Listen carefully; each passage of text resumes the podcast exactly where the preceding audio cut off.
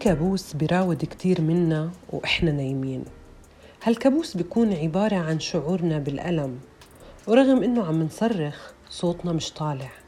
الناس حوالينا بالحلم رايحة وجاي مش منتبهين إلنا. هالكابوس رغم إنه في الأحلام بضل مزعج وبضل مرافقنا حتى بس نصحى من النوم. بنحس حالنا مخنوقين مش قادرين نتنفس.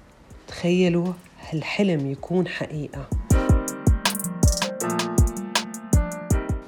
أهلا فيكم في بودكاست قصتها القصيرة.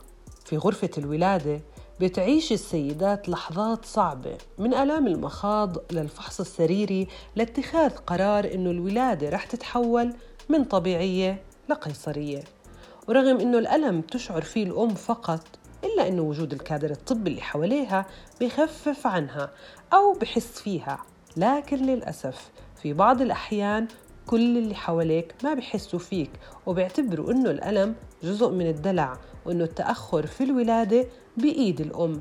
فبتتحول الآلام لكابوس بيشبه الكابوس اللي حكينا عنه بداية حلقتنا. اللي بصير بغرف الولادة كتير من النساء ما بتدركه هو فعليا بيوصل لمرحلة العنف. هالشكل من العنف مش كتير معروف.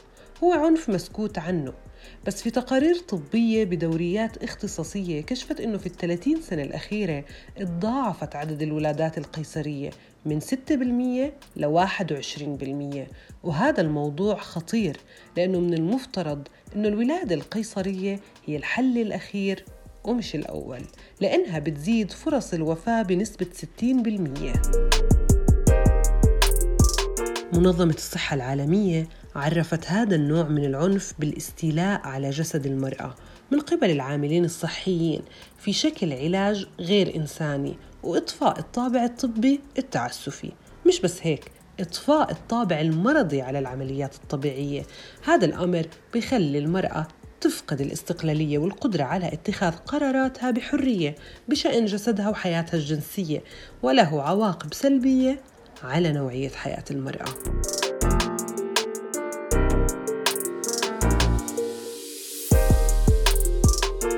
نساء كتير حكوا عن تجاربهم في الإنجاب وعن تعامل الكادر الطبي معهم لكن في الغالب راحوا للعمليات القيصرية بدلا من الطبيعية وحسوا أنه هاي التجربة أجمل تجارب حياتهم رغم صعوبتها أنا ما ولدت هون ولدت خارج البلد سمعت لأنه من صحباتي تجارب آه، سيئة شوي مع الدكاترة والنيرسات والمستشفيات. فحبيت تكون تجربتي مختلفة. وكانت مرحلة صعبة بالنسبة لإلي فكان لازم أبعد شوي أو تكون تجربة مناسبة لأنه الحمل والولادة صعبة شوي. آه، هرمونات الحمل والتعب بشكل عام والخوف والتوتر من موضوع الولادة والتفكير دائما بسلامة الجنين وصحته. آه، يعني كل حدا كان عنده تجربة مختلفة بس كان بشكل عام الكل يخوفني من موضوع الولادة والتوتر والخوف. عمر بنتي اليوم 11 كانت أحلى لحظة لما شفت بنتي بعد التعب والعناء والولادة كانت شوي صعبة آه، بس آه، باللحظة اللي بنشوف الطفل بننسى كل التعب.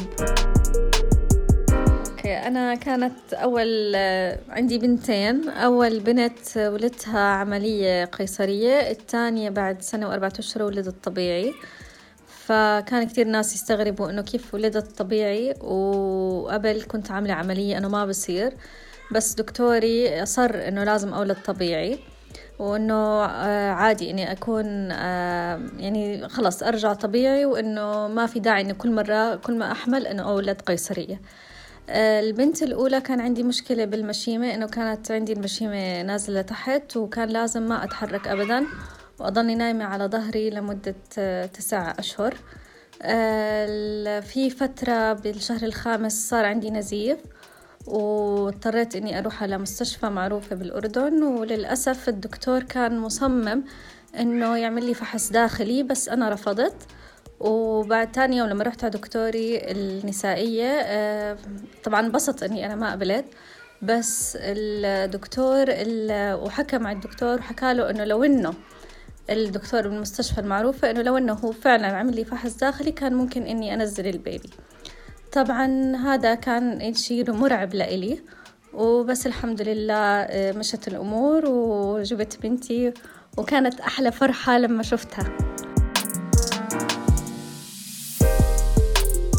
لإلي كانت تجربة كتير حلوة آه ولدت بنتين بنت ببلدي وبنت ببلد تاني غير اللي أنا ساكنة فيها. آه بنتي الأولى كانت التجربة حلوة. بتذكر كانت المستشفى مرتبة ونظيفة الممرضين كتير مناح والدكتور منيح.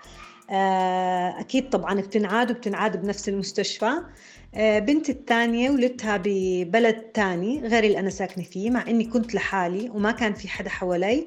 آه بس برضو كانت كتير منيحة الممرضين مناح والدكاترة مناح والمستشفى نظيفة.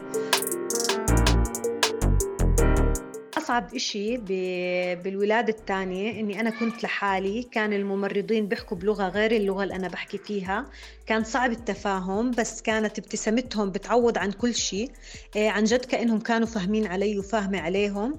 آه بس دائما بقعد بفكر اللي بمرقوا بهاي التجارب وما بيكون في حواليهم ناس متفاهمين.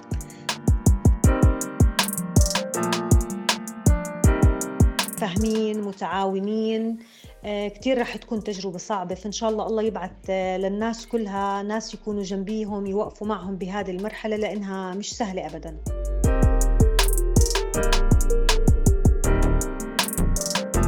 منظمة الصحة العالمية واليونسف كمان عملوا دراسة أشارت أنه نحو 42% من النساء حكوا أنهم تعرضوا للإيذاء الجسدي أو اللفظي أو التمييز أثناء الولادة في المراكز الصحية مع تعرض بعض النساء للكم صفع صراخ أو استهزاء فيهم وبوجعهم.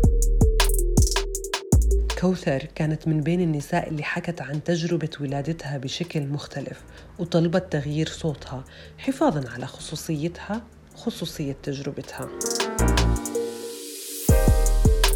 أكيد تجربة الولادة أهم آه، تجربة وأصعب تجربة بتمر فيها أي مرة بالحياة. آه يعني بتكون تحلم بأنه تصير أم آه بتحلم أنه آه تتغير حياتها بتصبر على الموضوع تسعة شهور تسمع حكي من هون ومن هون ومن هون لتستعد ليوم يعني الولادة. وفي يوم الولادة بيكون الموضوع يعني مختلف عن قد ما تهيأت له قد ما تحضرت له الست بتكون مش متحضرة كفاية. أو الموضوع أصلا ما بيشبه كل اللي بيحكوه الناس. ما بيشبه كل اللي بيرووه عن هذه القصص اللي بنسمعها. بنسمعها وإحنا صغار. وإحنا صغار نسمع عن آه، الوجع في الولادة. بس وجع الطلق آه، بس ولا إشي بيشبه آه، فعليا اللي بيصير بغرفة الولادة الصعوبة اللي بتصير. صعب كتير هاي المرحلة. الألم المخاض صعب أكيد بس في كمان ألم إنه بتحس كل اللي حواليك مش حاسين فيك مش مقدرين تعبك آه، مش مقدرين قديش يعني محدش مقدر ما حدا مقدر يعني حتى الممرضات اللي هم ستات اللي هم يمكن مروا بهاي التجربة اللي هم جزء يعني منهم آه بمر بهاي التجربة بس هي آه بتضل يعني آه صعبة آه لإلهم. وبصراحة يمكن أصعب آه، أو بتبلش الصعوبة من الأشياء الحساسة الصعبة والمؤلمة آه، هي يعني دائما بيكون في آه، الفحص المهبلي. على الرايحة وعلى الجاي على الرايحة وعلى الجاي هاي واحدة من الأشياء الصعبة جدا. اللي بتكون موجودة بغرفة الولادة وأنا شخصيا مريت بهاي التجربة الصعبة اللي كانت أبدا ما في سهولة لإلها ويعني غير إنه مثلا بتطلب مرات كتير إبرة مسكن للآلام بضلوا يتماطروا ليعطوك إياه يتماطروا ليعطوك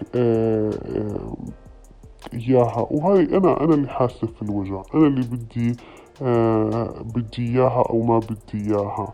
فهم ما كانوا يعطوني إياها. آه كمان يعني واحدة من الأشياء الصعبة اللي مريت فيها هو آه إنهم يعني أعطوني طلق اصطناعي آه عشان آه تتسرع عملية الولادة. آه للأسف إنه هذا الحكي صار حتى بدون استشارتي بدون إخباري. يعني ما حدا حكالي إنه ممكن أو لا. آه بالعكس يعني كنت أطلب إبرة مسكن ألام أعطوني إبرة يعني ضحكوا علي ضحكوا علي. يعني ما كان الموضوع إنه مش بس ما خبروني هم ضحكوا علي أوهموني إنه هاي آه هي فعليا آه إبرة لل يعني للولادة بس كانت آه، أو يعني إبرة لتخفيف الآلام بس كانت إبرة آه، إبرة للأسف كانت إبرة يعني طلق صناعي ويمكن هاي أصعب الأمور ورغم إنه أعطوني طلق صناعي ورغم إنه آه يعني طولت كتير رغم هيك برضو ما كان في آه ولادة طبيعية فقرر برضو الدكتور إنه بدي أولد آه ولادة قيصرية وهو موضوع يعني أبدا آه ما كنا متفقين عليه. هلا حكى لي إنه هذا مهم ولازم آه، تاخذيه ورحنا لفكرة الولادة القيصرية رحنا لأنه نولد آه، آه، ولادة قيصرية بدون استئذان. هلا في كثير أشياء كانت صعبة في موضوع الولادة كمان. هو إنه زي ما حكيت بالأول إنه الطلب المتكرر لإبرة لإبرة المسكن الآلام آه، كان يعني يكون يعني غير إنها طولت وغير إنه انخدعت إنه ما كانتش هي المفروض إنها تنعطى لإلي. آه، كان فعليا هناك يعني زي استهزاء أو زي آه، محدش منتبه محدش مهتم. إنه والله متوجعة مش متوجعة. آه يعني رح آه أنا كنت حاسس روحي بتطلع روحي بتطلع كنت حساها ونفس الإشي ما حدا سأل ما حدا عمل أي حركة. فأنا بالنسبة إلي آه هاي تجربة كانت تجربة صعبة جدا. تجربة بتخلي الواحد يعني ما بده يرجع يعيد الألم اللي صار آه معاه. وعدم يعني الاكتراث بكل الوجع وبكل الألم وإنه تحس إنه في حد عم بيضحك عليك صعب كتير.